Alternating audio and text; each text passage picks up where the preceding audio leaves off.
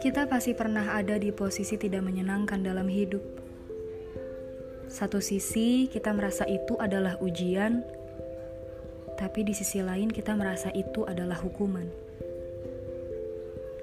Sampai akhirnya, hal yang tidak menyenangkan itu berakhir. Melewati segala hal yang mungkin telah kita perjuangkan atau korbankan. Suatu hari, tepatnya mungkin hari ini, kita kembali teringat masa-masa itu. Di antara kita mungkin ada yang mengingatnya sembari menyesal, karena saat itu terlalu banyak mengeluh hingga mengambil keputusan yang salah. Tapi ada juga di antara kita yang mengingatnya sambil tersenyum, sebab pada saat itu lebih banyak bersyukur dan bersabar. Kita adalah kenangan bagi diri kita sendiri.